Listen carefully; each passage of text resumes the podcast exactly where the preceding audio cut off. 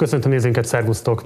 Ez itt az Én Magyarországon sorozata, a Partizán választási hétre készített interjú sorozata, amelyet most kivételesen a 24.hu stúdiában veszünk föl, de természetesen a szerkesztői felelősség továbbra is a Partizáné. A mai vendégem Okóás Szilveszter, a Magyar Állami Operaház igazgatója lesz majd. Mielőtt azonban bemutatnám őt, mindenképpen iratkozzatok fel a csatornára, ha még nem tettétek volna meg, illetve ha lehetőségetekben, akkor kérlek, hogy fizessetek elő a Partizánra a Patreon felületünkön keresztül, ehhez a linket megtaláljátok a leírásban.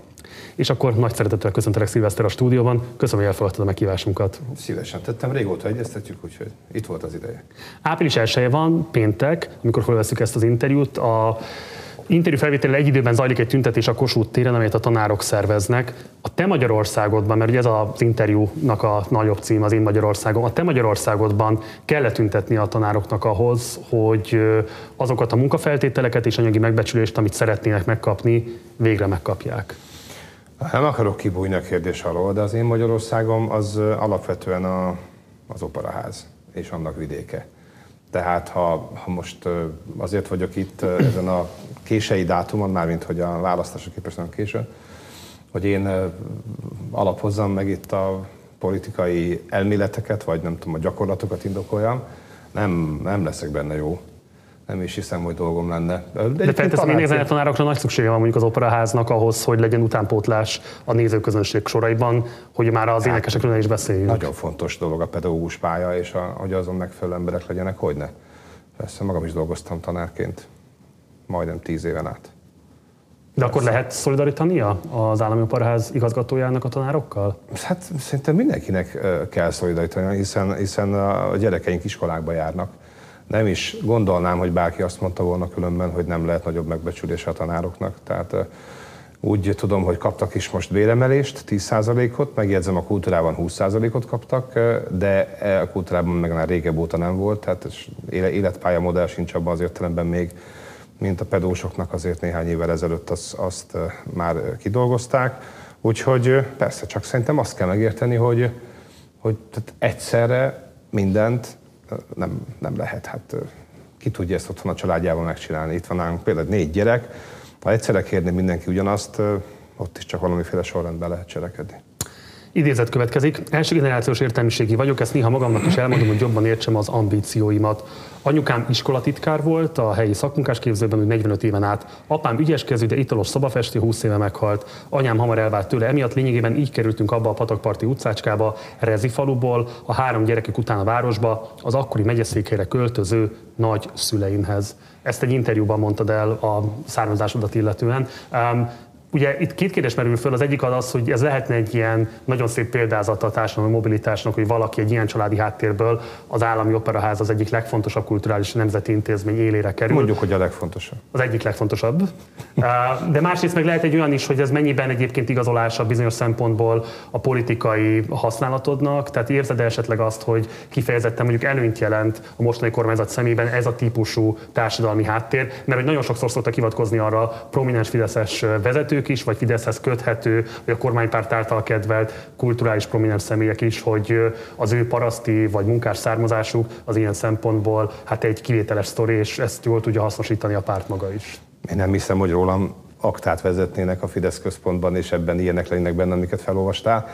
Nem is olyan sokszor kellett ezt elmondanom, még interjúban sem, de ez szerintem sehol föl nem merült. Mindenki úgy ismeri engem, mint aki egyébként, hogy 90 92 óta Budapesten vagy annak környékén élek, tehát az már elég régen volt, ez akkoriban születtél nagyjából.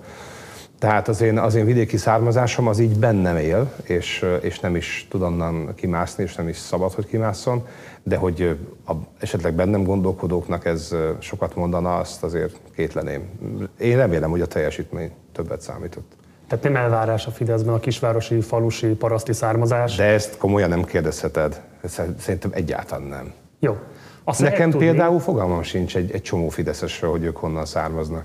Tehát, De ezzel aki... nem találkoztál általában, hogy van egy ilyen önigazolása sokszor a pártnak, hogy ezzel, ezzel a típusú családi származással próbálják megmagyarázni azt, hogy ők maguk egyébként... De olyat már hallottam persze, hogy, hogy, hogy mi jobban ismerjük az országot, tehát hogyha erre gondolsz, nyilván, de, de ezt, ezt én is szívesen mondom, hogyha valakit, valakit érdekel mondjuk Veszprém megye, vagy a Balaton felvidék, vagy a, vagy a Bakony, tehát amit, amit Veszprémből az ember lát, és mégis ott éltem 21-2 éven át, és fontos éveket, az ember identitása számára nagyon fontos első éveket, akkor, akkor, ez, akkor ez igaz is. De hogy, de hogy ezért én másképp néznék egy budaira, vagy pestire, vagy egy határon túli magyarra, ez, ez nincs így, hál' Isten. Őszintén mondom, hát nem, nincs így. Sokféle kritika ért már a pályafutásod során a Fideszhez való viszonyoddal kapcsolatban, Orbán Viktorhoz való viszonyoddal kapcsolatban. Én most mégis egy olyan aspektusra szeretnék rákérdezni, ami szerintem nagyon izgalmas, és tudom, hogy kampányidőszak van, ezért valószínűleg óvatosabban kell fogalmazni mindenkinek, pláne aki közhivatal tölt be. De mégis szeretném, hogyha nem számonkérésnek vennéd, hanem őszinte érdeklődésből elfogadnád, hogy Kíváncsi a kérdés. Olyan is volt, hogy a rokonok, hogy rokonok vagyunk. Ezt most kampányban sem fogom tudni elvállalni. Meg hogy mi ketten lennénk rokonok? Nem, nem te meg én, hanem ő meg én. Ja, hogy, uh, Egyszer, emlékszem, hogy egy interjú egyszer így kezdett, hogy tényleg rokonok, és hogy, hogy micsoda? Engem nem a rokonság érdekel, hanem az, hogy 98-ban ugye te az első kormány idején lettél fejlesztési tanácsadó az Oktatási Minisztériumban, és a saját elmondásod alapján téged Szájer József vitt be igazából a pártba, és azzal indokoltad, hogy ő nagyon szerette a barokk zenét, és ennek, ennek köszönhetően ismerkedtetek meg egymással. Ugye nekem a mai napig igazából nem érthető, hogy Szájer József miért lett persona non grata a Fideszen belül. Hát ezt nem fogom tudni neked megmondani, mert én Szájert annyiban ismerem, hogy, hogy tényleg akkor volt egy ilyen operatársat, hogy Budapesti Kamaraopera, Módován Domonkos vezetése alatt volt egy önkormányzattól, talán 5. keleti önkormányzattól kapott, sőt talán még örmény nemzetiségi önkormányzat által valahogy megszerzett lakása, ott, lakás ott a kisgazda párt egykori székháza környékén, az neked meg, megvan még, hogy szóval Belgrád, a kisgazda párt, mint Belgrád rakpart, igen, de nagyon régen volt.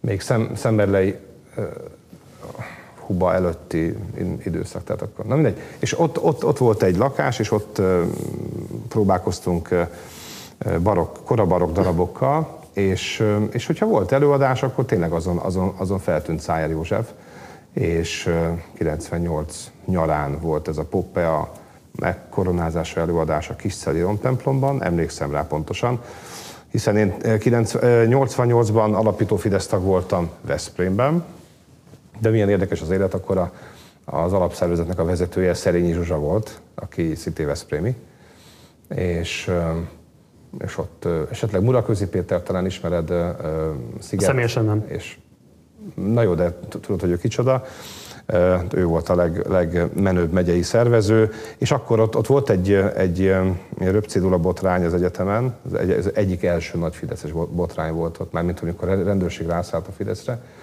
Azt a test közelből néztük végig, és ott egyébként én találkoztam Orbán Viktorral, biztos nem emlékszik már rá, egy lépcsőházban, Murak, Murakék lépcsőházában. De, de a fideszességem ebben nagyjából kimerült, mert aztán fölvettek az Zenőszeti főiskolára, és akkor én nekiálltam énekelni, és akkor ez nekem mindent, mindent jelentett, úgyhogy így a kampányok környékén élesítettem újra magamat. És, és itt 98 nyarán, amikor a Fidesz nyert, és Szájer pedig ott volt, emlékszem, egy ilyen könyöklők volt a fogadás volt utána, és akkor ott beszélgettünk arról, hogy, hogy a kultúrás kormányzat is, sőt, ugye új minisztérium alakult, és hogy abban lehetne valamit csinálni. És én arra azt mondtam, hogy oké, okay, éreztem, hogy nem leszek világhírű énekes valahogy, és akkor azt mondtam, hogy jó, akkor a közélet felé szívesen visszatalálnék. Miért vált, kérdezem még egyszer, Szájer József personal? Ja, ez volt a kérdés. Hát, nem tudom. Lehet, hogy ő szégyelli magát, fogalma sincs. Hát ugye nem az ő döntése volt kizárólagosan, hogy lelép a politika porondjáról, és hát nagyon adja magát a megfejtés, hogy Igazából mi írható az ő számlájára? Maximum a kiírási korlátozások megsértése Brüsszelben, de felteszem, ez más fideszes politikusokról is elmondható Budapesten, ugye számos de... fotó készült erre vonatkozóan. Nem nagyon adja magát más megfejtés, mint az, hogy az ő nem heteroszexuális irány orientációja volt az, ami nem volt kívánatos a párt számára. Szerintem, szerintem nem ez a baj, hát dehogy is. Hát, én még nem hallottam senkit, akit a Fidesz a, a, a szexuális irányúsága miatt pellengérezett volna ki. Nem, szerintem inkább itt, itt az volt, hogy a, a lebukásnak ez a módja, ugye az ottani szabályok ellen is való vétés, és, és hát, hogy, hogy ez így a pártra rávetülhetett ez a, ez a botrány. Én inkább arra emlékszem, hogy, hogy ebből mások csináltak problémát. Hát azért a, a, az elfogadására oly büszke más közpolitikai szereplők és médiumok Hát, hát, a, hát a mai napig ereszeznek. Most azért az talán nem a Fidesz hibája, hogy, hogy, hogy az ország lecsúszott az ereszen, hogy ezekkel a mai napig áthangolják a, a közbeszédet. Szóval ezt én, ezt én nem a Fideszben keresem. Véletlenül sem akarok a védőügyvédjük lenni, de felteszem, itt lehet, hogy arra gondolnak, hogy abban van valami fajta képmutatás, hogy nyilvánvalóan Szája József nem azon az éjszakán kezdte el gyakorolni uh-huh. a homoszexuális életvitelt, hanem ő hosszú évtizedek óta élt kettős életet, és ennek ellenére mindaddig, amíg ez nem derült ki, nem volt ezzel problémája a Fidesznek. A Fidesznek azzal volt problémája, hogy ezt ő nyíltan megélte. De honnan veszük, hogy a Fidesznek volt problémája? A Fidesz küldte oda a rendőröket, hogy buktassák le Szája Józsefet? Nem, nem csak amikor lebukott, hogy hogyan reagált a párt. Szerintem a párt semmilyen módon, tehát Szájer le, lemondott a különböző tisztségeiről. Én, én azt láttam, hogy akik ezt az egész botrányt magasan tartják, és sokáig tartják magasan, azok, azok a hipokriták pontosan. Tehát most szerintem még sok esetben az is megtörtént, hogy, hogy homoszexuális emberek homoszexuális hozták le, vagy, vagy ennek az örve alatt akartak ütni a Fideszen. Én azóta is csak azt hallom a Fideszen belül, már nem vagyok belül, de hogyha, hogyha ez esetleg szóba kerül, hogy, hogy, hogy, hogy, hát, hogy az a munka, amit a, amit a Józsi végzett, és az a, az a ö, tapasztalat, meg, meg képesség, ami, ami ő benne van, az egyrészt nagyon sokat ért, másról nagyon fog hiányozni. Tehát én, én ilyet, ilyet, ilyet nem, nem látok ebben a dologban valóban. És, és de, de gondol, de hát nyilván Nyilván, tehát nincs olyan párt, nincs olyan, nem tudom, település Magyarországon, ahol, ahol, ahol ne lehetne és ne is lenne, gondolom, más típusú orientációjú, szexuális orientációjú ember. Nem, nem ez alapján ítéljük meg az embereket. Az én operaházamban is valószínűleg ez így van, de nem téma, és szerintem nagyon remélem, hogy azért sem téma, mert hogy senki nem is érzi, hogy ennek alapján ítélném meg. Hát lehet, hogy nem téma a számodra, de hogy a kormányzat számára a téma az nehezen tagadható, és hát te magad is egyébként kerültél mindenféle vádak alá. Hadd idézelek téged, Na. a magyar időkbe írtál egy publicisztikát, így fogalmaztál, feljelentem magunkat, mi nálunk odahaza négy kisgyermek nevelkedik, és nem csak az fordult elő, hogy a lányuk anyjuk körömcipőjében csetlenek, hanem olyan is, hogy az én csónakjaimban botlanak hova vitetne most engem Zsófia, azt írtam az operából el, de hová? Ezt ugye N. Horváth Zsófia nevű szerzőnek a cikkére ja, írtad. Igen. Aki, Pont akartam kérdezni, ki ez a Zsófia? Igen. Hát azért sem tudhatjuk, mert ő azóta sem publikált, tehát ez a név egyszer került használatra, akkor, amikor az Elton John féle Billy előtt földolgozás kapcsán téged fölkérdeztek, hogy te valami fajta homoszexuális propagandát... De ez most nem szól ellenem, remélem. Tehát... Azt akarom csak mondani, hogy te akkor nagyon elszerűen kiálltál, és kikérted azt, hogy bármilyen módon egyébként akár Csajkovszki hatjuk tavába, akár Elton John Billy Elliotjába, bármifajta szexuális propagandát bele kellene látni. Ez 2017-18-ban volt, azért azóta jelentősen megváltozott a Fidesz álláspont álláspontja ebben a kérdésben, és most hétvégén nem csak az országgyűlés következő összetételéről fogunk szavazni, hanem lesz egy úgynevezett gyermekvédelmi népszavazás igen, is. Igen, de, de Marci, hát ezt mindenki ezerszer elmondta, ez a gyermekek megvédéséről szól. Tehát nem a, nem a felnőttek orientációját, vagy a felnőttek életvitelét bírálja, vagy hagyja jóvá, azzal semmit nem csinál. Csak arról beszél, hogy igenis az én kiskorú gyermekeimet sem szeretném, hogyha más igazítaná el szexuálisan, illetve az a más legyen olyan fajta hitelesített szervezet képviselője, hisz erre is van mód, ez nincs kizárva, csak van egyfajta olyan regisztratív kötelezettség, ami egyébként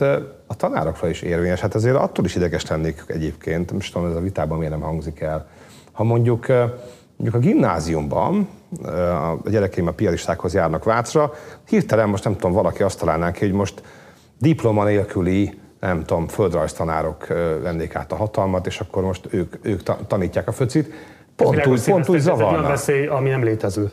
Mint hogy az is egy nem létező veszély, hogy bárki oda tud menni az iskolába, és bármilyen típusú szexuális propagandát tud tartani. Ilyen magyarországi taniskolákban nem történt, a szabályozás hát, előtt sem. Azt nem tudom, hogy tisztában vagy-e valamennyi, több ezer intézmény van az országban. Az Soha, ember néha még a saját intézményében is meglepődik, hogy mi történt. Ilyesmi. Tehát a kormányzat mindig külföldi példákra hivatkozott Svédországban, Németországban, magyarországi tanintézményben nem tudtak mutatni de ami, példát. De ami Svédországban ott van, az, az holnap után, mint egyébként a vírus is itt volt, úgy, ugyanitt lehet. Szerintem a, gát, a gátakat, a gátakat előbb kell emelni annál sem, mint hogy megjött az árvíz, akkor már régen későn van. De őszintén, ezzel most mi baja lehet bárkinek? Ez hát nekem akkor, is a kérdésem, akkor, hogy de mi a baja bárkinek? De nem, nem, azzal mi baja van bárkinek, hogyha pont úgy, mint egy iskolában dolgozó pedagógust, ide is vannak bizonyos kötelezettségek, és valamiféle képességeket az állam szeretne nem tudom, megmérni, vagy megbizonyosodni arról, hogy ezek léteznek-e, azért, hogy a az állam gondjára bízott gyermek elé az illető engedhető vagy sem? Ez teljesen világos, ez egy teljesen jogos igény az államnak, de ezt egy népszavazás nélkül is meg tudja tenni, és meg is tudta tenni, ez eddig is így volt. Hát úgy látszik, hogy, hogy az Unió, mivel azonnal beúzta a kéziféket, bizonyos pénzalapok folyosítása kapcsán, a kormányzat számára fontos megmutatni, hogy nem ő erőlteti az akaratát az országra, hanem, hanem mögött van társadalmi támogatottság. Ugye ennek az egész népszavazásnak az ágyazott meg, amikor még tavaly nyáron elfogadott a kormány egy törvény, amely hát most röviden összefoglalva igazából nagyjából azt állítja, hogy a nem heteroszexuális orientációjú emberek azonos veszélyt jelentenek a gyermekek pszichoszexuális fejlődésére, mint a pedofil bűnelkövetők. A te megítélésed szerint ez a két társadalmi csoport valóban azonos veszélyt jelent a gyermekekre? Most, most összefoglaltál valamit, aminek viszont nem ez a tartalma. Tehát ez, ez most, most tehát ezt, ezt erre így sehogy sem tudok válaszolni, mert a törvény nem erről szól. Tehát senkit nem akar bűnbakká tenni, egyszerűen azt mondja, hogy ilyen típusú ö, oktatást csak úgy lehet végezni, hogyha az egy regisztrált szervezet tagjaként történik, hogyha az államnak van valamiféle kon- kontrolla a tekintetben, hogy kilép be az iskolába. És ezt maximálisan támogatom. Tényleg, mi ezzel a baj? Ugye ez, ez nem csak az iskolára vonatkozik, tehát például mondjuk hogyan fogjátok kezelni az operaházban azt a kérdést, hogy a balettművészetben, vagy akár Végre operáról beszélünk. A zeneművészetben, ahol azért az identitásokkal, a szexualitással, az erotikával játszotok, hogy ott hol fogjátok meghúzni azt a határt, hogy mi minősül a nem heteroszexuális orientáció propagandájának, amikor mondjuk egy színpadkép kialakításáról döntötök? Várj, ezt most át kell gondolom. Tehát, hogy úgy érzed, hogyha a színpad kép valahogy kinéz, nem tudom, valamilyen színeket vagy formákat használunk benne, azzal úgy tennénk, mintha az egyenértékű volna azzal, mintha egy gyerekek vagy óvodások elé bepördül valaki, és arról kezd el beszélni, hogy nem baj egyébként, hogyha egy kicsit bizonytalan vagy abban, hogy egyébként ír, Irma vagy-e, vagy Laci. Tehát miért azért nem, tehát egy színpadi előadás nem ezzel a célral készül, hogy valakit elbizonytalanítson, vagy, vagy pláne nem gyerekeket. Tehát azért igen. Világos, ha... a gyerekek is járnak az operákba, és felteszem, ti is tanulmányoztátok a törvényt, de... és szembesültetek az abszurditásával, hogy hogyan fogtok tudni ennek megfelelni. Őszintén szóval ez nem merült föl bennem még, hogy nekem Aha. ezt tanulmányoznom kéne. A mi gyermekelőadásaink alapvetően klasszikus előadások, de nem is gondolnám, hogy, hogy, hogy bárhol egy, egy gyerek előadást valamilyen uh, szexuális tréninggel kapcsolnának össze. Hát pont ez a lényeg, hogy, hogy, hogy ennek ott nem kell lezajlania. Tehát jó, záró kérdés akkor ez a kérdéskörhöz. Te, a te megítélésed szerint ez az úgynevezett gyermekvédelmi névszavazás valóban elsődlegesen a gyermekek védelmét szolgálja az országban, és ezért érdemes részt venni rajta, vagy el kell utasítani a válaszadást, mert ez alapvetően egy megkülönböztető propaganda a nem heteroszexuális emberek irányába? De szerintem senkit nem különböztet meg. Tehát a, a, a kérdések kapcsán sem arról szavazol, hogy ezt az embert megbélyegzed, azt meg nem bélyegzed meg. Pusztán arról szól, hogy, a, hogy egy olyan képesítés birtokában legyen bárki, aki belép az iskola területére, amely képesítés az állam elfogadja, amelyet ellenőrizni tud, és amely a szülők felé is garancia arra, hogy az oda mégiscsak beadott gyerekért az, az állam felelősséget vállal. Egyébként az, az egy komoly dolog ám. Tehát én, én abszolút érzem, minden reggel viszem őket, a három nagyobbat viszem ugye Vácsa Gimibe, és az édesanyjuk viszi a legkisebbet, ő még a helyi, a helyi iskolába jár, majd, majd negyedik után uh, tud átjönni ő Svájcra, és hogy az, az ember az iskola kapujában ezeket a nagy lovakat is valahogy leadja. Tehát csak már nincs meg az az érzés, mert ők ugye azért már nagyok. De, de, de a kicsi, kicsi, ő még visszanézeget az ajtóból, és, és a, ott viszi a hátának, és hát fut, fut befelé, a picik mindig futnak ismeretlen okból, ugye? Tepernek befelé, tehát ott, ott az ember meg tudja élni minden nap azt, hogy a legdrágább kincsét rábízta egy intézményre. És, és most bocs, Marci, de kivitatnál a jogot attól, a szülőtől, aki ezt a gyermeket neveli, aki, aki a Jóisten segítségével létrehozta, neveli, és beadja oda azért, hogy az adójából egyébként az, az elmét és a testét neveljék, segítsék a szülők helyett is egy picit a, a, a tanulmányokat lefolyni. Tehát, tehát tehát kivitatnál azt a jogot, hogy a, hogy a szülő e fölött az állami szervek révén is egy ilyen népszavazás segítségével kontroll gyakorolson, és senkit nem akarok megbélyegezni. Tehát a, vil, a világ érse. Jó, de akkor gyakorló apaként, felelős szülőként, felelős állampolgárként. Gyakorló és gyarló. Milyen magatartást fogsz tanúsítani a népszavazási kérdések kapcsán? Behúzok négy nemet. Láttam a kérdéseket. Jó. A identitás kérdések vonalán haladva még egy picit tovább, volt egy másik típusú mulatságosnak ható, de valójában elég izgalmas szerintem dilemma az operaház történetében. Ugye volt egy Görsvin előadásotok, a Porgés Besz, amelynek ugye van egy olyan nagyon sajátos hagyománya, hogy ugye kikötötték, hogy kizárólag fekete színészek, előadók, énekesek szerepelhetnek benne, és ugye itt az a hír járta, hogy 28 énekesből 15-tel irattátok alá azt a papírt, amelyben ők magukat afroamerikai származásúnak mondják. Ugye volt egy interjú, amit Nagy Józsefnek adtál, és ott te magad is úgy nyilatkoztál, hogyha ez szükséges, akkor te magad is szívesen nyilatkozol arról, hogy te afroamerikai származásnak tekinted hát saját ne? magadat. Hát ez, ez, az egész pont ennyit ér. De te most, amikor ez egy, ez egy hack. te magadat afroamerikai identitásnak Hogy ne?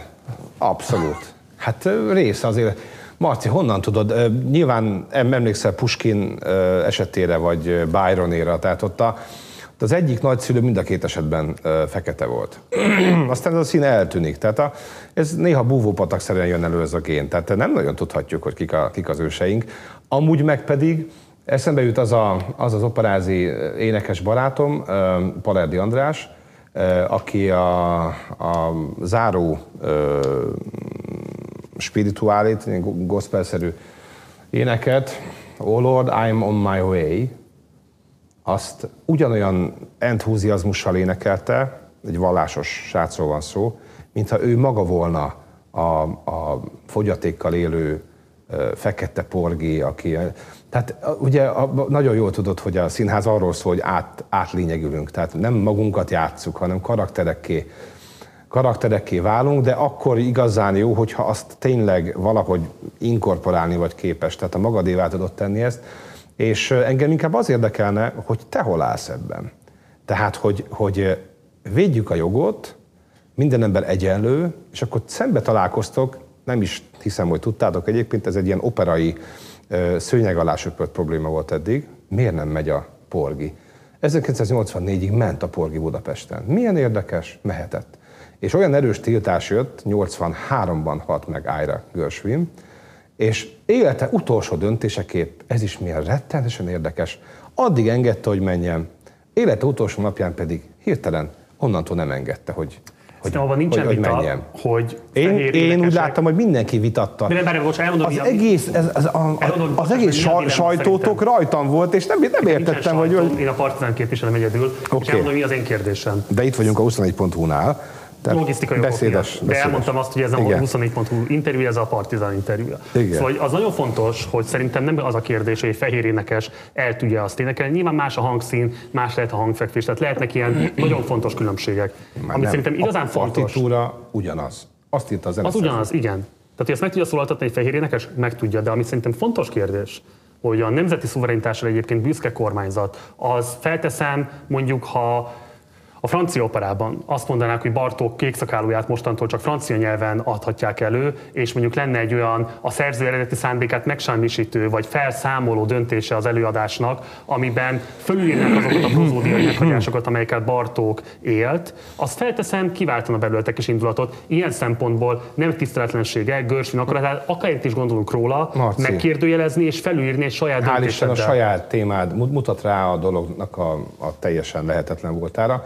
Bartók a saját kezével készítette el a Kékszakó hercegvának az a német kiadását, a, a német szöveget. Ezért külön, direkt franciát. Kül, eh, oké, okay, de, de külön prozódiát jelölt meg rá. Mondom, ezért mondtam franciát. De, de, de, de, de hogy, ez, ez lehetséges, és most készítem, meg fogjuk csinálni, remélem, hogy mindenkinek, aki ebben az ügyben még mindig fafejkedik, ki fogom váltani vele az ellenkezését, és aztán hát egyszer meggyőzöm őket.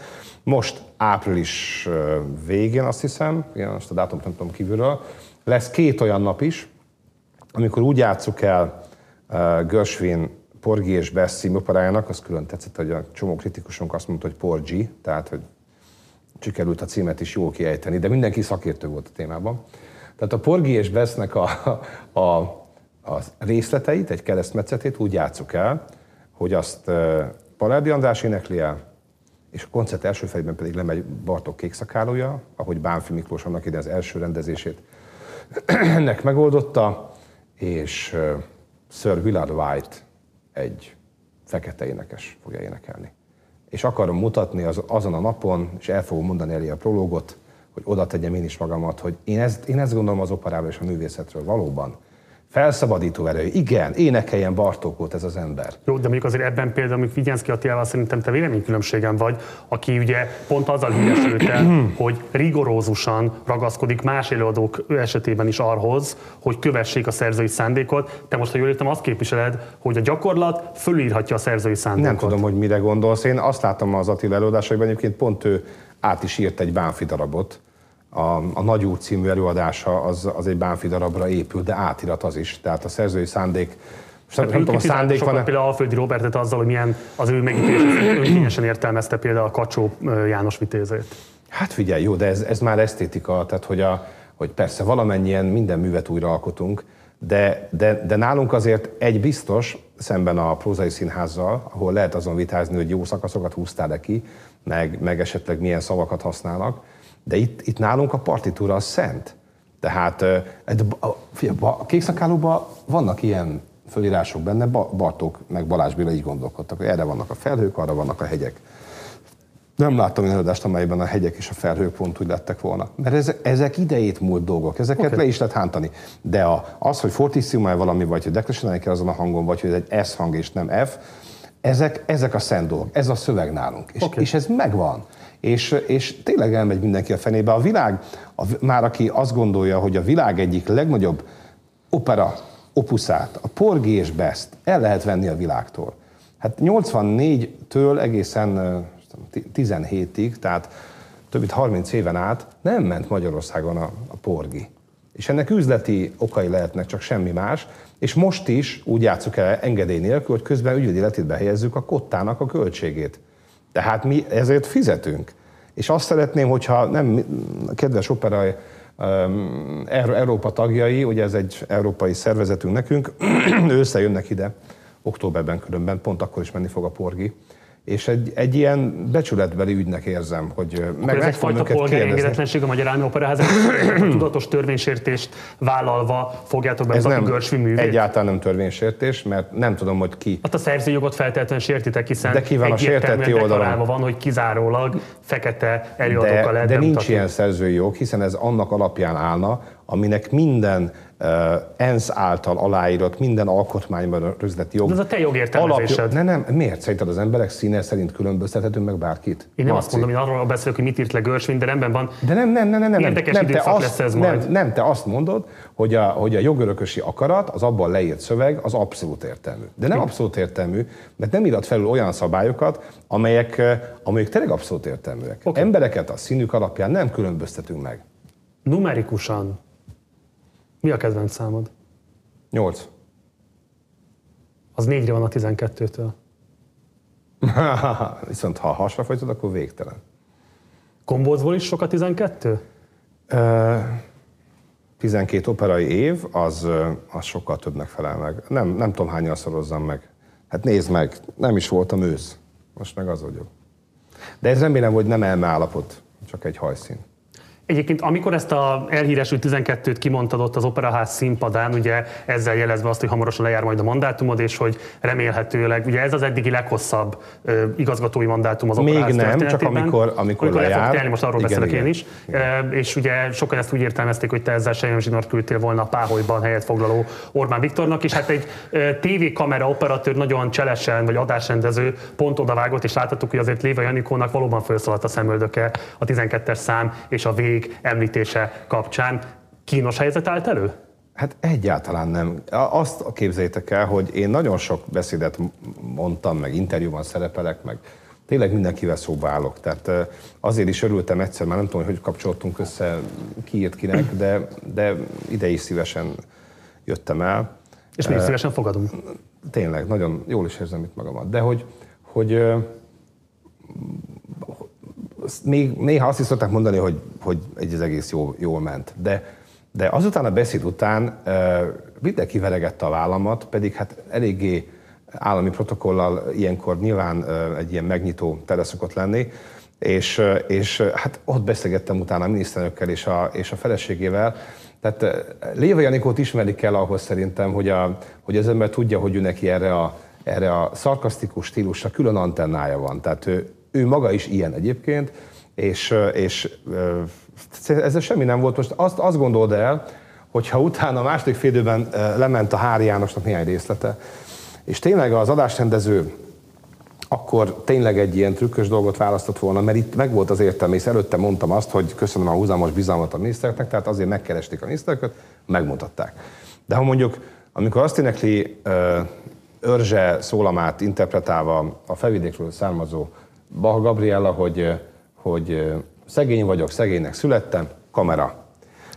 Orbán Viktorra. Na, mekkora beszólás. Vagy ne sanyargassa a magyar népét, énekelte Sándor Csaba néhány perccel később, kamera Orbára.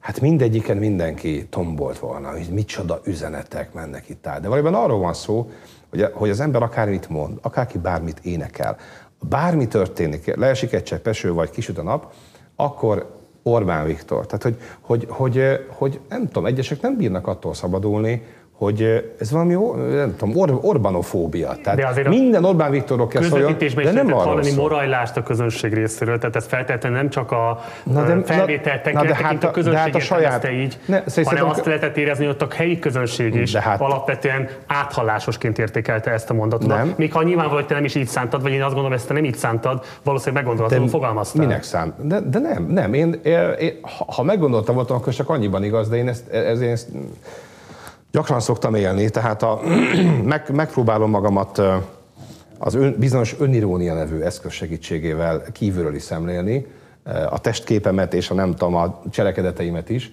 és én, én, én ezt sokszor el, elmondom, hogy ez nagyon hosszú ciklus. Tehát, hogy, hogy az, hogy esetleg az ember fárad benne, vagy hogy pont egy hullámvölgy után, mert már arra is van idő, hogy hullámvölgyből gyere kifele, vagy hogy, vagy hogy még mindig egy új projektet elő, előhozzál, és akkor tudsz érvelni az, hogy az eddigi eltelt hosszú időben is sikerült a korábbi. Szóval ezzel én, ezzel én gyakran foglalkozom, és azt láttam, hogy még mindig pakolják a színpadot, ugye nem, én nem a színpadon álltam, hanem egy páholyban valójában, ott a dolgom, hogy kitöltsem az időt, amennyi erre volt, és akkor elkezdtem így belekalandozni ebbe az opera történeti fejtegetésbe. De akkor azt elismert, hogy meggondolatlan voltál? Nem, ne egyetlen nem voltam meggondolatlan. Hát én én magamról beszéltem. Az, az, miért Azt értem, de hogy egy ilyen helyzetben a magadra illetett mondatok értelmezhetőek voltak a miniszterelnök személyére is. De, most ha a politikai De tudunk olyan mondatot mondani most meg, egymás között, ami nem lehetne értelmezhető? Antipátiáktól elvonatkoztatunk, hát ez egy választási időszakban van nyilván egy protokolláris esemény. Ez önmagában egy olyan helyzetben, amikor a miniszterelnök arra készül, hogy újra megmérettesse magát, hathat egyébként a szándékaitól függetlenül is egy ilyen típusú beszólásként. De hát figyelj, szó szerint azt mondtam, hogy, hogy köszönöm a húzamos bizalmat, eh, mert, mert az operáház történetében eh, ilyen hosszú 12 éves ciklus még, még, még nem volt, eh, és azután, a ciklus után, az operáházi ciklus után már, vagy még közben is menni kellett. Egyébként három, három-négy év volt az operában az átlagos ciklushoz. Most, bocs, de nem tudok előre arra, arra gondolni, hogyha, hogyha valaki eleve úgy van beállva, hogy mindent Orbán Viktorra ért. Egyébként gyerekkorunkban játszottunk így, ti nem, hogy és nagyon vicces volt úgy az, úgy az órát hallgatni, hogy mondjuk valami pajzán dolgra gondoltunk, megbeszéltük előre, hogy a tanár arról beszél és nem arról, miről valójában.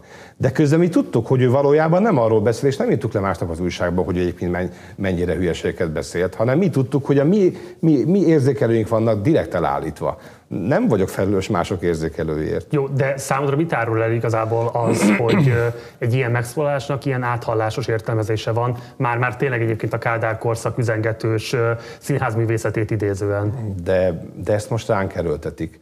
Hát figyelj most. De Szilveszter is lát, milyen fél, logika fél volt ebben? nézték meg egy nap alatt ezt a videót, azért annak valami oka csak van. Hát mert, mert kíváncsiak voltak, hogy ez, hogy, ez, hogy ez micsoda, és szerinted ez a filmember mind elhitte, hogy a kitüntetése előtti napon az operaház, eh, a miniszterekkel tudott a jó viszonyban lévő főigazgatója az opera megnyitásán, élőadásban elküldi őt a hatalomból. Nem elküldi, Mi van? hanem véletlenül úgy fogalmaz, hogy az akár így is értelmezhető hibázik. Hát dehogy is, hát azt, azt, azt írták le, hogy micsoda üzenetet küldött. Tehát, tehát szándékosságot tételeztek fel. Hát ez durván. Hát, hogy, tehát nem logikus, nem igaz, Ráadásul más mondja meg, hogy, hogy én mit gondoltam. Megjegyzem, az RTL klubon kívül senki nem kérdezte meg, hogy mire gondoltam. Inkább megfejtették helyettem. Folytatnád? Már úgy értem az opera igazgatását. Pályáznál? Persze, fogok is. Lesz szerinted érdemi kihívód? Most úgy gondolom, hogy igen. Úgy volt, hogy az első, el, először kormánybiztos voltam egy évig, és utána Másfél volt az évig, nem? első, hát egy évig volt, aztán voltam megbízott, míg a zajlott a pályázat. És akkor 13. augusztus óta vagy. Hát igen, de ennek nincs jelentősége, mert hogy kormánybiztosként is az a dolgom pont ugyanaz, mint utána. Szóval, hogy az első pályázatnál voltak többen, azt hiszem, talán még öten is voltunk. A másodiknál 17 őszén volt az a bonyolítás, ott nem volt senki, de éppen be volt zárva az operaház, az Eiffelt épp építeni, nem volt kellemes a helyzet, és most meg minden kész van. Én úgy gondolom, hogy most több jelentkező lesz. Ugye, ha lesz kormányváltás, akkor nyilván egészen más esélyed lesznek az újrázásra, mint Ezt- ha elmarad a kormányváltás. Hát más típusú kihívásokkal kell megküzdened, azt feltételezném. De miért? Gondolom más típusú kormányzati struktúra lesz, lehet, hogy nem tudom én máshogy Nem kell operaigazgató? Hát nyilván kell majd operaigazgató, akkor is nemzeti intézményről van szó. De, Amire de kíváncsi vajon vagyok ez miért van hogy marad De, is a de Fidesz. Marci, de, de, de kicsit beszélgessünk már, olyan, olyan régen csináltam műsort. Ha, lehet, hogy most fogsz tehát miért jut, miért jut, miért, jó, de csak egy, egy kérdés erejéig, bocsánat. De hogy miért jut neked is eszedbe az, hogyha kormányváltás lenne, akkor, akkor föltétlenül mások kellenek. Én nem az ezt mondtam, én azt mondtam, hogy más típusú kihívások lesznek egy pályázat kiírása és megnyerése kapcsán. Azért azt gondolom, hogy ez egy objektív De leírása ez a a helyzetnek. mit jelent? Hát majd meglátjuk, hogy mit jelent, hogyha Mi lesz kormányváltás. Nagyon sok kihívás? föltételnek kell itt megfelelni, de igazából ez csak egy fölvezetése volt a kérdésemnek. A kérdésem érdemi része az, hogy azért vannak, akik azt gondolják, hogy ha marad is a mostani hatalom, akkor is komoly kihívásokkal fog szembenézni. Mire gondolok? Ugye az operaház felújítása az végül is öt évet csúszott, ezt te is elismerted a beszédedben, és hát a költségvetése Nem, nem megtriplázódott. ötöt csúszott, három és felett. Megtriplázódott a költsége. Ugye, Megduplázódott. Hát 50 milliárd lett a végösszeg. Igen, de 24,5-ből indult el. Nem 17-ről? Nem. Hát fontos nézni, hogy akkor a... Tehát, hogyha a bruttót nézzük itt, akkor itt is a bruttót nézzük. Nem, ez a, ez a du- duplája lett. Tehát a 55 milliárd, én, bár, a- bár a be- beruházó végül nem mi voltunk, tehát ezeket most ne forintra pontosan értsétek, de, de a nagyságen is stimmel. 55 körül van a vége, de ebben benne van ugye a Hajós utcában velünk szembe lévő üzemháznak is, ami 10 szint, tehát 4000 négyzetméter komoly épület az, össze van kötve az út alatt alagúttal, és ebben benne vannak az opera saját beszerzései is, tehát amelyek nem az épülethez kötődtek, egész egyszerűen egy új generációs lámpapark, különböző ö, gyengáramórendszerek. Ez világos, de így is egy dupla költségvetésről beszélünk. Dupla, tehát dupla, azért ez, dupla, ez, ez, ez valahol önmagában Magyarországon már legyintünk arra, csak dupla költsége lesz egy ilyen beruházásnak.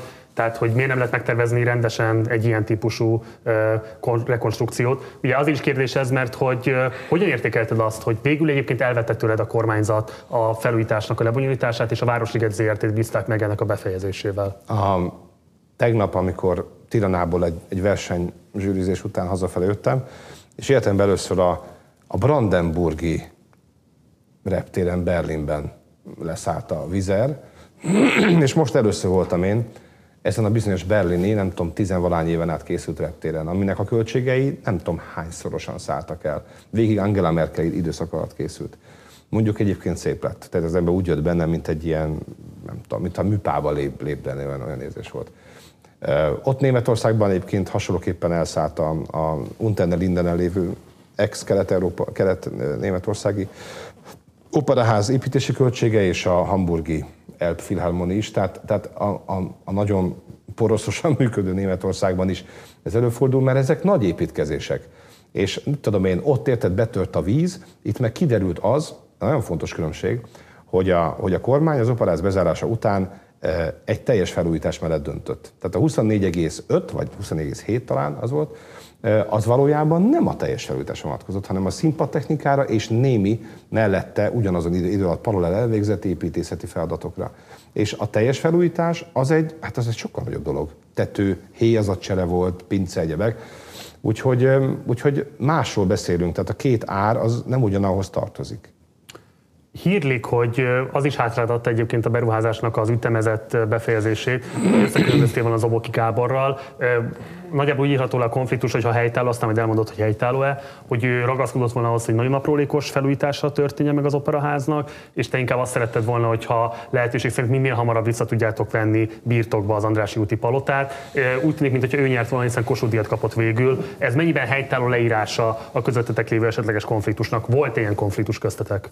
Én is kaptam egy szép kitüntetést. Életemben először egyébként, úgyhogy, úgyhogy ezt, ezt én is köszönöm. De hát annyiban helytálló, érted? Zoboki egy építész, aki, aki szeretné a legtöbb időt tölteni az épülettel, kutattak sokáig, ugye ameddig közönség volt benne 17 nyaráig, addig nem verhettük le a falat, és itt rengeteg helyen, ezernél több helyen kellett megkutatni a színeket, az állagokat, a struktúrát, nem voltak tervek, tehát hiába volt digitálisan föltérképezve, az csak az a felszín lehetett, hogy a falak mögött mi van, senki nem tudta. És valóban egy operigazgatónak szerintem az a, az, a, az a legfontosabb, hogy a társulata megmaradjon. Tehát emlékszel arra, amikor régen egyszer a Manchester foci, foci csapata repülőgéppel lezuhant? Hogy valójában a következő hétvégén a Manchester stadionban azt hiszem kölcsönjátékosokból valami csapatot felállt, de eltűnt onnan a lényeg. Uh-huh. És, és én akármilyen szép ívül, új neoreneszánszként felújított háza, tényleg egy hatalmas adomány nekünk, és egy főhajtás, ami művészetünket. Erről próbáltam beszélni abban a beszédben egyébként. De, de a lényege az a társulat.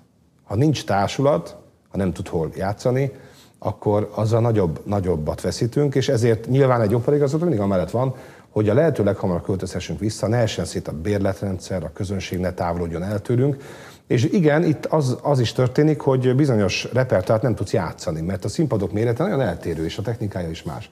Az Erkel Színház nem alkalmas Wagner és Riás Strauss játékra, számos kortárs szerzőre sem, tehát egész egyszerűen mást kellett játszani. Bizonyos művészek parkolópályára kerültek. Ezt, ezt én mind nehezen élem meg, hiszen ez az én felelősségem is. Úgyhogy én amellett voltam, hogy, hogy egy egyéves leállás legyen csak, és utána meg majd hosszan, akár egy évtizeden keresztül mindig valamit cserélünk rajta kívül, amit lehet. És ehhez képest jött az a döntés, hogy akkor most, most mindent csináljunk meg. De ez e... volt a döntés, hogyha te, mint az operaház igazgatásával megbízott felelős egy másik álláspontot képviseltél, kiírta fölül ezt a te döntésedet? Jó, hát ha formailag nézzük, akkor az operaház az a vagyonkezelője egy nagy állami kiemelt műemléknek. Tehát magamat csak azzal tudtam nyugtatni, hogy nem az én álláspontom érvényesült végül, hogy az operaház azért az közben meg több is annál sem, mint hogy a mi játékterünk. Ez Magyarország egyik kiemelt épülete, egyik első számú turista célpontja. Úgyhogy, úgyhogy nem az én saját házam otthon Sződligeten. Úgyhogy, úgyhogy nem én mondom meg ilyen értelemben egyedül. Teljesen világos, hogy te vagy a formai értelemben vett vezetője. Igen, igen. Föl a De építészetileg meg, meg nyilván van, van nálam elfogadható vélemény, és, és mivel a kormányzat a kultúrára tényleg olyan mértékben költött, mint még előtte más nem, így lett arra is forrás, hogy ezt megcsinálják. És amikor, amikor felfogtam azt, hogy ennek azért vannak, hogy mondjam, logikailag értékeltő következménye is, tehát magyarán, hogy a következő évtizedekben meg nem kell ezeket megcsinálni, és az Eiffel is egyre gyorsabban készülgetett, akkor, akkor már úgy gondoltam, hogy rend, rend, rendben van, nem fog háborúzni. Fontos, amit említettél, hogy ez a kormányzat a te mondásod szerint többet költött kultúrára, mint a korábbiak. Ez ugye azon a megkötéssel igaz, hogy az infrastruktúrás beruházásra, tehát kifejezetten rekonstrukcióra, vagy adott esetben új intézmények létrehozatalára, de ami a te általad is hivatkozott társulati kérdést illeti, tehát azt, hogy akik konkrétan előállítják ezeket a kulturális szolgáltatásokat, értékeket, műveket, az ő bérendezésük azért az Na, az, is, az, is, az is ment előre.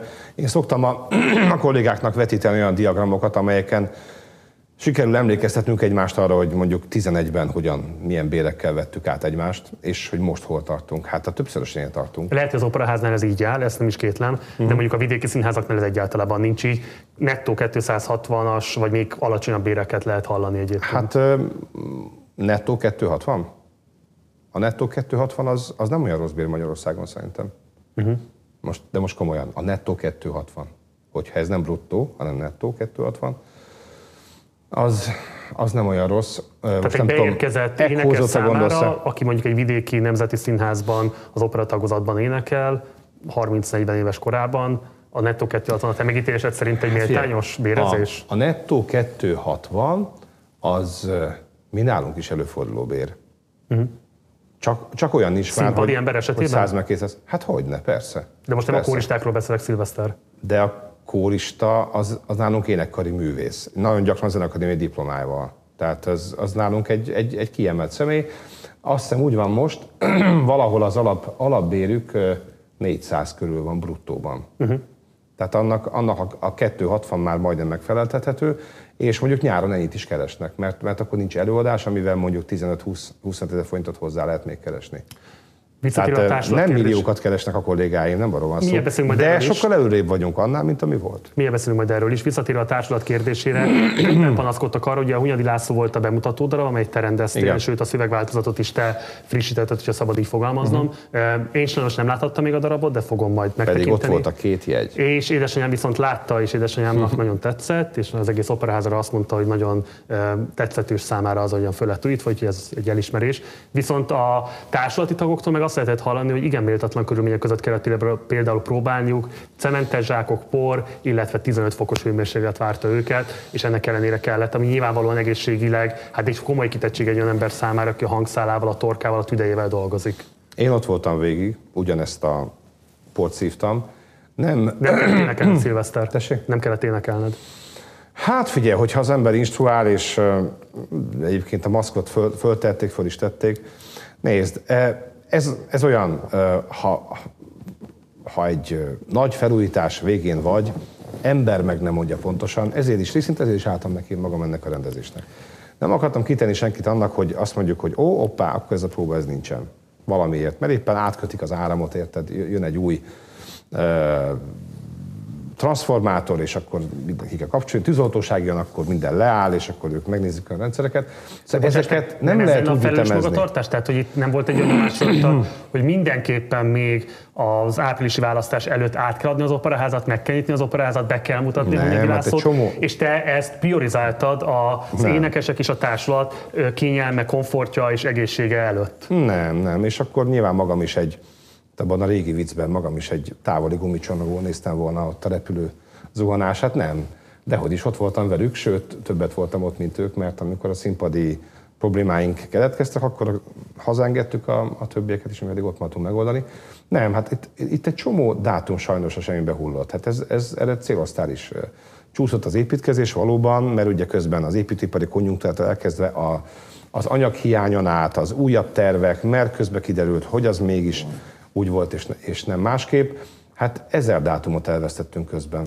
Tehát, tehát nem, nem az volt a cél, hogy, hogy olyan szép lett volna tavaly októberben is megnyitni egyébként, de, de most meg tényleg lehetségesé vált, csak hogy az utolsó pillanatokban mindig, mindig, még, még mindig van valami, mit tudom én, az ész, a, a, a széksorokat éjszaka kellett beszerelni. Hát világos, de ez is azt jelzi, hogy igazából az operaház nem tudott volna elkészülni, de kényelmesebb lett volna mondjuk ezt ősszel megnyitni, csak felteszem, volt egy olyan nyomás rajtatok, hogy ezt még a választások előtt föl kell mutatni, mint elért eredményt. Nem, hát a, van egy kalendáriumunk, most neked elhoztam a legújabbat, amit a megnyitás napján ismertettünk, de van ennek ugye minden évben egy előző testvére, abban, abban ott volt a műsor, és el voltak adva a jegyeink. Hát nem a politikai parancsra kellett ezt megtenni, hanem azért, mert el vannak adva az előadások. És mi, mi nem úgy adunk el, hogy a következő hónapra most mondjuk meg, hogy mi, mit, mit játszunk, hanem ezt, nem is tudom, tavaly, tavaly valamikor áprilisban volt az évad hirdetés. Tehát akkor eldöntöttük és el is adtuk az operáz jegyeit. Hát ezt a blanást nem engedhetjük meg, hogy, hogy ez... Én, én, én úgy fogtam föl, de tudod jó, hogy a, az alkotók számára milyen varázsra bír, egy múzsai jelleggel bír a határidő. Ezt a határidőt már nem akartok elengedni. És, és, és mind, Jó, mindenki a színpadtechnika az is kapott. kiszolgálására. Ugye pont a Hunyadi László kapcsán 50 perces szünetekről lehetett hallani, mert olyan súlyos átállási idők vannak, mert nem áll készen a színpadtechnika arra, hát, hogy ezeket a váltásokat gyorsan lehessen intézni. Mindenhol vannak ilyen problémák. Hát én nem tudom, hogy ha új lakásba költözik az ember, akkor minden konnektorban lesz áram. Tehát ezek a gyerekbetegségek egy 50 ezer négyzetméteres épületnél mondjuk fokozottan jelentkeznek. De akkor a színpadtechnika ezek szerint nem áll még készen teljes de, üzemmel? De, de, de, de, teljesen készen áll. Csak előfordulhat még olyan benne, hogy valamelyik szenzor az még nem, nem, egy kicsikét érzékenyebb annál, mint kéne, és akkor újra kell programozni. Tehát ilyenek, ilyenek vannak. De, de jelzem azt is neked, hogy az átállások valóban az elején voltak, akár 70 perces felvonások közti átállások, de ott mindig közben van egy probléma, illetve meg kell a műszaknak tanulni. Tehát ez is érdekes, hogy az elején még 60 valahány kolléga végezte el a díszletedést két felvonás között, és a végén pedig azt hiszem 25, uh-huh. 17 perc alatt. Tehát ez meg kell tanulni, ugye hát ez egy, ez egy beidegzés, mit hova teszed, melyik, melyiket kell előbb kiakasztani, stb. Hát ez, ez egy minden darabnál előforduló munkafolyamat, csak most nyilván még több szem volt rajtunk. Megjegyzem, hogy, hogy most nem tudom honnan idézted ezeket a sztorikat, mert, mert közben úgy a zenekar, mint az énekkar, hihetetlenül nyugodt volt ebben. Én többet aggódtam miattuk, de ők annyira megvoltak nyugodva attól, és annyira, hát némelyik meg hatva volt attól, hogy visszaléphetett újra ebbe az operázi közegbe, hogy mindent elviseltek, tényleg. Úgyhogy na, ideális volt. Egyszer se kellett kiaválnom senki. A társulatot említetted, és ezért fontos kérdés az, hogy miközben valóban megújult az operaház, és jelentős bővülés következett be ugye az Eiffel műhely megnyitása miatt is, hogy sikerült rendezni a foglalkoztatási viszonyát például mondjuk az énekeseknek. Szerinted az a rendszer, amit most üzemeltet az operaház, az elfogadható az ország egyik legfontosabb, kiemelt nemzeti kulturális intézménye részéről? Hát mindegyik, ameddig a magyar munkajog azt a helyzetet hozza létre, hogy öt év szerződés után semmilyen módon a képességek, akármilyen megfogyatkozás esetén sem tudsz meg, megválni egy énekművésztől sem, addig higgyétek el, hogy az állami források és a lehetőség rút és rossz felhasználása volna, hogyha nyugdíj kéne tartani, 65 éves korig kéne tartani embereket. Nem lehet, ha... akkor elismered azt, hogy az opera kényszervállalkozásba kényszeríti az énekeseket? Nem, nem. Ez, ez nem kényszervállalkozás, mert nem, nem kötelező senkinek ezt, ezt, ezt vállalni. Tehát csinálhat... Hát, ha szeretné énekelni az operába, akkor muszáj neki hát, vállalkozói hát, háttérre rendelkezni. Bocsánat, de szerintem ezt mindig eldönti egy munkáltató, vagy egy adott szervezet, hogy milyen típusú szerződéseket fog kötni. És ezek a szerződések most olyanok valóban, de én már lassan tíz éve, hogy egyébként magasabb összegért, tehát tudomásul véve azt, hogy egy énekes például a banknak énekel, tehát be, be, be kell tenni az, a, a hangját forintosítva a széfbe, mert lesz 25, maximum 30 aktív jó éve, és abból kell majd magát finanszírozni. Tehát én ezért magas gázsikat fizetek sokkal magasabbak, mint korábban. És nem is szeretnék erről különösebben beszélni itt, mert az énekeseink magánügye, vagy a velünk való közös magánügye, de, de ezek, ezek arról is szólnak, hogy a saját TB-ét meg tudja fizetni, eh, illetve, hogy, hogy, hogy ebből majd eh, később is tudjon gazdálkodni. Ugye ez 2010 előtt is egyébként egy súlyos konfliktus volt a Magyar Állami Operáz kapcsolatban. az, hogy valaki tagja az Aparaház társulatának, arról így nem lehet beszélni, mert hogy valóban kényszervállalkozó 32 volt mindenki. ember volt eh, mint munkavállaló, akkor közalkalmazottként, és rajtuk kívül 80 valahányan énekeltek számlával. És ők énekeltek, nem, a, nem annyira a belső. Hiszen ők voltak fiatalok, rugalmasak, képességesek. Te értesültél már hogy van olyan énekesed, aki az egyenlő bánásmutatósághoz fordul amiatt, mert hogy kényszervállalkozásra kötelezi az operaház őt? Sejtem, hogy kire célozhatsz, igen. Nagyon, nagyon kíváncsi vagyok, hogy mit, mit fog elérni. Mert ugy, ugyanakkor egy, egy, egy másik hatóság, egy másik ügyben most éppen azt, azt mutatta ki, hogy, hogy, ez, hogy egy ilyen típusú közeműködés, tehát amelyik nem egy napi 8 órás állás, és nem egy jellemzően, ugye ennek vannak kellékei ennek a típusú, ugye hogy a szillet szerződés hibájában ne az ember, tehát van asztalod, van szekrényed, oda bejár, stb.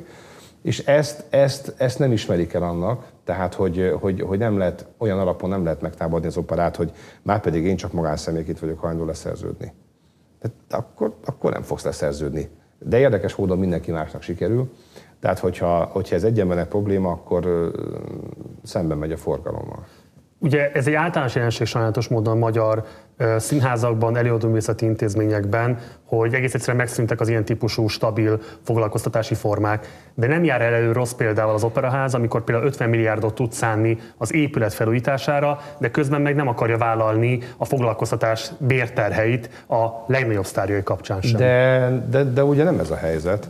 Tehát elmondtam, hogy a, hogy a munkajogi körülmények miatt nem, nem, nem tartunk alkalmazásban magánénekeseket. És nem tudtam volna lobbizni a kormányzatnál, hogy minket változzon meg, és egyébként legyenek biztonságos hát, módon foglalkoztatva ezek az énekesek? Ez, ugye ezt korábban úgy oldották meg, hogy volt szakmai nyugdíj. A szakmai nyugdíj e, aztán megszűnt, és e, megmaradt néhány tánc együttes esetében. Mert ott e, mindenki elismerte, hogy, hogy mondjuk egy balettegyüttesnél 25 év után nem lehet táncolni. Én megjegyzem, több ilyen feliratom is volt, tehát én próbáltam ezért lobbizni. Ugye a Magyar Nemzeti Balett esetében, ami az egyetlen klasszikus balettétes az országnak, de, de hozzávetünk még hármat, amelyik szintén, szintén nagyon erősen dolgozik, nem spiccelnek, de mindegy.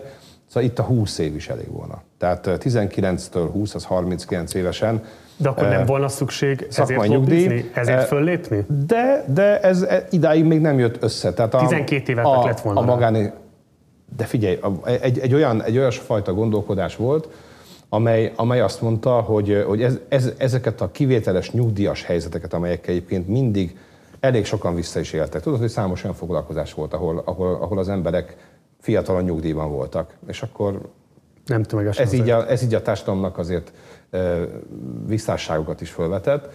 És, és, és van ez a másik típusú forma, semmiféle problémája nincs az embernek ettől. Semmi. De, de kérdezd meg azt a száz embert, aki nálunk így énekel.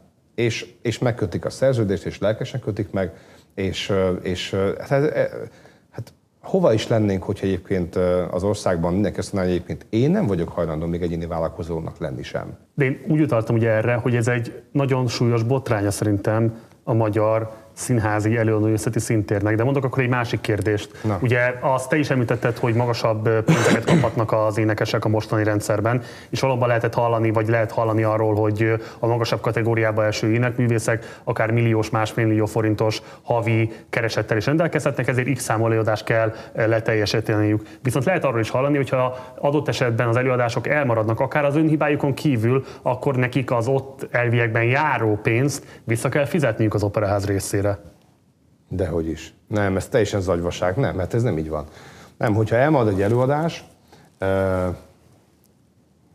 30 vagy 60 napon belül, tehát már, már a próbák folytak rá például, akkor jelenlegi szabályok szerint 70%-a jár a tiszteldíjnak, és azon vagyunk, hogy ezt például emeljük. Tehát volt nemrég egy értekezet az énekesekkel, és ott mondtam is, hogy a következő szezontól megtehetjük, hogy akkor legyen 80. Számolunk, hogy, hogy hogyan vagyunk ezzel de az lehet 80, olyan nincs, hogy ő, ő, ő fizet vissza. Olyan, olyan van, hát most nem tudom, ezt itt elmagyarázom biztos, tehát, hogy van egy adott évad, abban van mondjuk egy énekesi kategória, van négyfajta énekesi kategória, abban van egy művész, énekel vány előadást, azt meg kell szorozni a gázsi összegével, akkor kapsz egy, egy bizonyos szummát, azt a szummát földaraboljuk, és havonta, hogy könnyebben, de ezt is, tehát ugye megtehetnénk eddig régen, úgy csináltuk, hogy amikor leénekelt, akkor megkapta.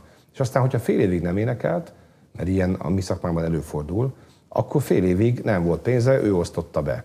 És egyébként ők se voltak egy véleményen, tehát emlékszem több ilyen beszélgetése velük. Volt, aki azt mondta, hogy ő ezt megszokta, egy külön számlán tartja, és ő beosztja. Neki nem kell, hogy az opera segítsen ebben, hogy inkább havonta odaadom, mint egyfajta fizetés részletekben fizetem meg.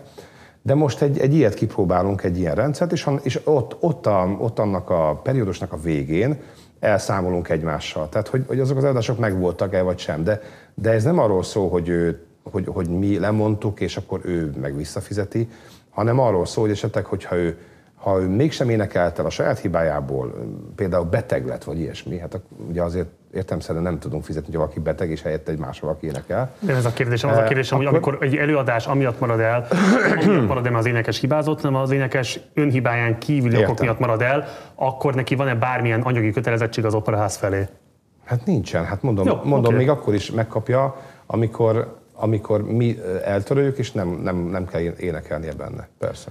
Jó Picit beszéljünk még arról a kérdésről, ami ugye a vidéki operatagozatok részéről fogalmazódott meg kritikaként veled szemben. Ugye az volt a vád, hogy visszaélve az operaház erőfölényével, olyan szerződéseket kötsz az énekesekkel, amik megtiltják azt, hogy ők próbáljanak, vagy máshol fölépessenek, ha éppenséggel az operaháznak kedve van őket foglalkoztatni. Ugye kifejezetten arról is lehetett olvasni, hogy te magad... Kedve van őket foglalkoztatni. Elsőséget, élvez, hogy kell, elsőséget élvez a veletek való egyeztetési joga. És az is egy fontos kérdés volt, hogy te ugye operaházi igazgatói engedélyhez kötöd azt, hogy egyáltalán elmehetnek-e, ha van szerződésük, egy másik színházba, egy másik színpadra föllépni. Azt lehetett hallani, hogy volt egy január vége egyeztetésed ezeknek a színházaknak az igazgatóival, illetve a zenei vezetőivel, amelyben ígéretet tettél arra, hogy valamilyen módon rendezni fogjátok a helyzetet, de azt is hallani, hogy azóta igazából megköttettek azok a típusú megállapodások a fellépőkkel, az énekművészekkel, amelyek például még azt is megtiltják nekik, hogy ott esetben elhagyják a város határait akkor abban az időszakban, amikor az operahában dolgoznak. Fú, itt, itt nagyon sok információ volt. Akkor kérlek, hogy mondd el, hogy mi az igazság. Nem, nem, nem, nem, is tudom már a, az elején, hogy, hogy, hogy mi, mi, mi volt. Kedvem tartja. Nem, itt vannak szerződések. Tehát hogy értemszerű, ha te most itt a 24.hu stúdiójában, mint partizános velem interjút csinálsz, ez idő alatt nem lehetsz egyúttal jelen, nem tudom, az ATV-ben egy másik műsort csinálni. Most, hogyha téged innen, nem tudom, van-e a Partizánnak rajtad kívüli főnöke, azt mondja, hogy ne haragudj, nem engedlek az ATV-ben, most neked itt van dolgod, és ezt csináld, akkor ez, ez beillik-e ahhoz a beállításhoz, amit mondtál, hogy ha, ha kedves ottyan és alkalmazza, és akkor nem engedi el. Hát nem, a szerződések bizonyos napokat érintenek, meg periódusokat. És hogyha az operának az előadásait próbálni kell, és azon a művész nem tud részt venni, akkor, akkor és ez elharapódzik, és most elharapódzott, akkor valamit tenni kell. Mi, az állam pénzét szerződjük le az énekeseinkkel. Hát ezt mégse lehet megcsinálni, hogy a próbákon nem jár, a, az előadásokra talán megjelenik, és egyébként még onnan is esetleg másnap elmegy és énekel, és akkor itt nálunk spórolja a hangját, vagy visszatért vidékről éjjel, és akkor nálunk kifacsarva ad elő. Hát tehát, tehát nem erről szól az egész. Hogyha ez külföldön történne, nekik is elmondtam ugyanígy, de még Klagenfurtban, tehát nem Milánóban, meg New Yorkban, Klagenfurtban sem csinálod meg, tudomásul veszed, ó, ott vagy, jó. És ott tudod azt a három hetet. De itt Magyarországon minden másképp van. Tehát itt, hogyha bizonyos hangfajban bizonyos emberek megcsinálják azt, általában férfiakról van szó, egyébként ott, ott a szűk keresztmetszete a magyar operéneklésnek, meg általában is, hiszen sokkal több a férfi szerep, mint a női, és sokkal több a női énekes, mint a férfi ezért aztán el, előállít egy ilyen szűk keresztmetszet, és nagyon gyakran fordul elő, hogy egyszerre két, tehát két párhuzamos produkcióval szerződnek le. És innentől fogva szembe van állítva egy vidéki színház az operaházzal, és hát természetesen én úgy gondolom, hogy az illető nálunk legyen, és ne náluk. De most már ezen is alakítottam, mert én nem vagyok hajlandó tudomást tenni arról viszont, hogy egyes vidéki színházakban úgy gondolkodnak, hogy ő, ő, ő, ő és ő lesz a szereposztás, őket kikérem. És nem gondol arra, hogy ha mondjuk ő mégse tud jönni az ötből egy, akkor az valaki másra kell megoldani. Mi az operában mindig így gondolkodunk, hiszen beteg bárki lehet bármikor. Úgyhogy most azon az állásponton vagyok, és ez így is fog maradni. Továbbra is elengedtem 100-ból 99-et, ami nagyon nem jó. Nagyon, hát szét, szétveri a próbáinknak a, Azért egy, te, te, te dolgoztál pró, prózai társulattal. Hát milyen már az, amikor valaki helyett a rendezőasszisztens áll be, és a ketten jönnek, akkor már, már nincs, aki beálljon, vagy a súgó is beáll, és a többiekre az milyen demoralizáló hatással van, hogy ő valahol éppen pénzt keres, én meg itt helyette szívok. Szerintem az teljesen érthető, nyilvánvalóan az operáz Mert olyan, mintha nem lenne érthető. Ugye az operáz védi a saját érdekeit, és szeretné azt, hogy biztos legyen a próba folyamat és a bemutatók és az előadások se szenvedjenek csorbát. Nem szeretné, csak ugye, erre szerződött le. Csak ugye egy olyan helyzet áll elő, hogy Magyarországon korábban az volt a gyakorlat, hogy például a próbaidőszakban, amikor az esti nincsenek érintve az énekművészetnek, akkor például vidéken föl tudtak lépni, és ezzel biztosítva volt az, hogy ne csak Budapesten lehessen operaélményben része a magyar állampolgároknak. Ilyen szempontból az intézkedésed nem fog-e súlyos következményekkel járni a vidéki opera játszás Marci, gyakorlatára. Ez nem ezért következik, hát rengeteg próbát este tartunk. Hát bocsánat, melyik a színházon nincs este 6-tól 10-ig próba? Hát nem tudsz egyszerre két helyen lenni. este próbálsz itt, és közben fellépsz. Ott ilyen, ilyen nincsen. Oké, okay, de érted szerintem a vidéki szín, színházigazgató problémáját. De, mi a válaszod rá? Tehát mi a megoldás erre, akkor? Erre, figyelj, erre a válasz a következő. Ami, amikor boldogabb időkben a vidéki színházak, ahol csak egy, egy tagozat van az operának, tehát azok nem operaházak, hanem több ö, tagozatos színházak. Amikor ott boldogabb idők voltak, és fel tudok sorolni most érdektelen egyébként, olyan énekeseket, akik egyébként annak a városnak elkötelezték magukat. És ott éltek, és ott akkor ők nem csak operát énekeltek, mert évi 17 operadásból nem tudtak fonot megélni, hanem akkor őket beforgatták bizony musicalbe, most inkább már a mai kor, de régen operetbe, sőt prózába is akár. Mondjuk Bedefazekas Csaba, egy, mégis mondok egy nevet, egy ikonikus győri művész. Eh, hát ő nélkül elképzelhetetlen volt egy prózai előadás is. De akkor mindegyik színház magának épített egy kis társ, és vigyázott rájuk. Most a helyzet mondjuk úgy, hogy nem erre irányult, hanem most az van, hogy nincsenek. Az a jellemző, hogy nincsenek vidéken énekesek letelepítve. Az ő elmondások szerint azért nem, mert nem képesek megfizetni, mert szegények, mint a templom megere. De, de, de bocsánat, most, most meg rá, van, rá, rá indulnak ugye az operáz énekesi gárdájára. Tehát, hogy ugye érted, miről van szó. Tehát nem arról van szó, hogy van egy Debreceni társulat, ahol én, ahonnan én kirobbantom az embereket, hanem az van, hogy, hogy ilyen-olyan és amolyan okokból nem tartanak már énekeseket sok helyen, és azt mondják, hogy akkor operából eljövök őt, őt és őt. De ők nem érnek rá. Akkor az opera bizonyára ki akar szódni velük. De hát ez nem így van. Szerződések vannak, és felnőtt emberek. Még olyan is volt, képzeld el, aki azt, azt javasolta, hogy, hogy, hogy ne, a, ne az énekes döntse el, hogy ő hol fog énekelni. Hogy nem tudom, valamilyen kommunisztikus elosztó legyünk mi így, nem tudom, 6 hete, döntsük, hogy ő hol énekel. Hát de ha hogy dönthetnénk el? Az énekes majd eldönti, hogy ő hogy énekel, és abban tudok segíteni, és ez lesz a megoldás egyébként, hogy észreveszi mind az öt nagy vidéki város, ahol ezek a tagozatok a nemzeti jellegű színházak működnek, hogy mindegyikben van egyetem, amelynek van olyan zenei intézete, kara, ahol egyébként operaénekes képzés működik, mind az ötnél van ilyen, és ezeket a fiatalokat, és esetleg tényleg még összehalászni hozzájuk néhány embert, őket kell társulatba szervezni. És ehhez kell anyagi forrást adni, és van a ez nem kulturális tanács. szolidaritást? Hogy ezeket az anyagi forrásokat kilobbiz, vagy segítsd őket abban, hogy De hát ezt csinálom is. Jó. Most 2023-tól lesz egy öt éves program, a, a, a döntést még nem ismerjük, mert a stratégiát kellett megcsinálnom hozzá, de, de felolvastam nekik azt a fejezetést, amelyik erről szól a munkanyagból, és olyan komoly forrás lenne ott, hogy ott lehet állásokat Meg bocsánat, akkor te most felelősséggel tartozol a magyarországi zenés színjátszás jövőjének vagy stratégiának megalkotásáért? Hát ne úgy képzeld, nincs ilyen állásom. Nekem egy állásom van az elmúlt 12 De kaptál ilyen megbizatást a miniszterelnöktől? Nem a, tudom. Van ez a bizonyos kultúrás tanács, az NKT, és abban, abban az intézmények természetes módon képviselnek egy-egy kulturális szeletet. És ilyen értelemben más operaház nincs Magyarországon, tehát az egyetlen operaház jelenleg igazgatója, az én vagyok, képviseli a többieket és a többiek érdekét. Tehát ezt nem mondanám talán felelősségnek, mert ilyen értelemben, mint a hatóköröm is, nincs hatóköröm, de azt, azt el tudom mondani, hogy ahhoz, hogy ez az öt tagozat jól működjön, ahhoz mi milyen segítséget tudunk adni, mi is tudunk adni segítséget.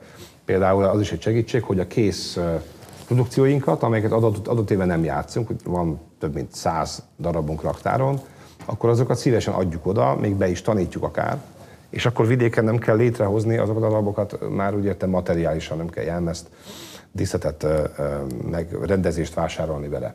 Mi így tudunk segíteni. Az állam meg úgy tud segíteni, hogyha ezeket a vidéki színházakat megtámogatja, akár tánc, akár prózai, akár zenei oldalról, és persze valamiképpen pántlikás költések ezek, de szerintem olyan, olyan tág pántlikával vagy nagy zsebekkel, amelyek révén a társulat alapítása, a hangszervásárlás, tehát, tehát ilyenek lehetővé válnak a számukra. És akkor záró kérdéskör. Az elmúlt 12 év egyik sokat idézett fogalma a kultúrharc. Értsünk alatta bármit is. Most lesz április Ezek a jó szavak. lesz április harmadikán választás, akármi is lesz az eredmény ennek a választásnak, feltétlenül a kultúrarc kérdésével valamit kezdeni kell, és hogyha mondjuk csak egyetlen egy aspektusát vesszük ennek, akkor leginkább talán az az, ami így a szélesebb nyilvánosságot is érdekelheti, hogy az a végletekig polarizálódott kulturális közélet, amelyben hát nagyon sok minden történt az elmúlt 12 évben, most nem is akarok részletesen belemenni, mert az egy külön interjút is megérne, hogy azt értelmezzük, de hogy te, mint az egyik nemzeti kulturális csúcsintézmény vezetője, miben látod a felelősségedet, milyen típusú gesztusokat tartanál indokoltnak annak érdekében, hogy ez a típusú polarizáltság csökkenjen, és esetlegesen azok a sérelmek, amiket lehet, hogy nem is tartasz jogosnak lehet, hogy azt mondod, hogy nem fakadnak másból, mint a különböző érdekküzdelmekben történő alulmaradásból, de mégis egy hatalmon lévő ember részéről valószínűleg elvárható az, hogy valami típusú gesztusokat gyakoroljon azok felé, akik hatalom nélkülnek érzik magukat. Tehát te miben látod a magad mozgásterét és lehetőségét? Marci, én hatalmon azért nem érzem magamat, én, én, én szolgálatban vagyok. Egy csúcsintézmény vezetője tényleg, vagy, tényleg. emberek élete fölött tudsz diszponálni, és egyébként meghatározod, élete a, fölött? meghatározod a magyarországi zenés színházi kultúra alakulását. Nem, a színházam alakulását tudom maximum meghatározni, de azért válaszolok neked. Tehát a kultúrharc és a polarizálódás,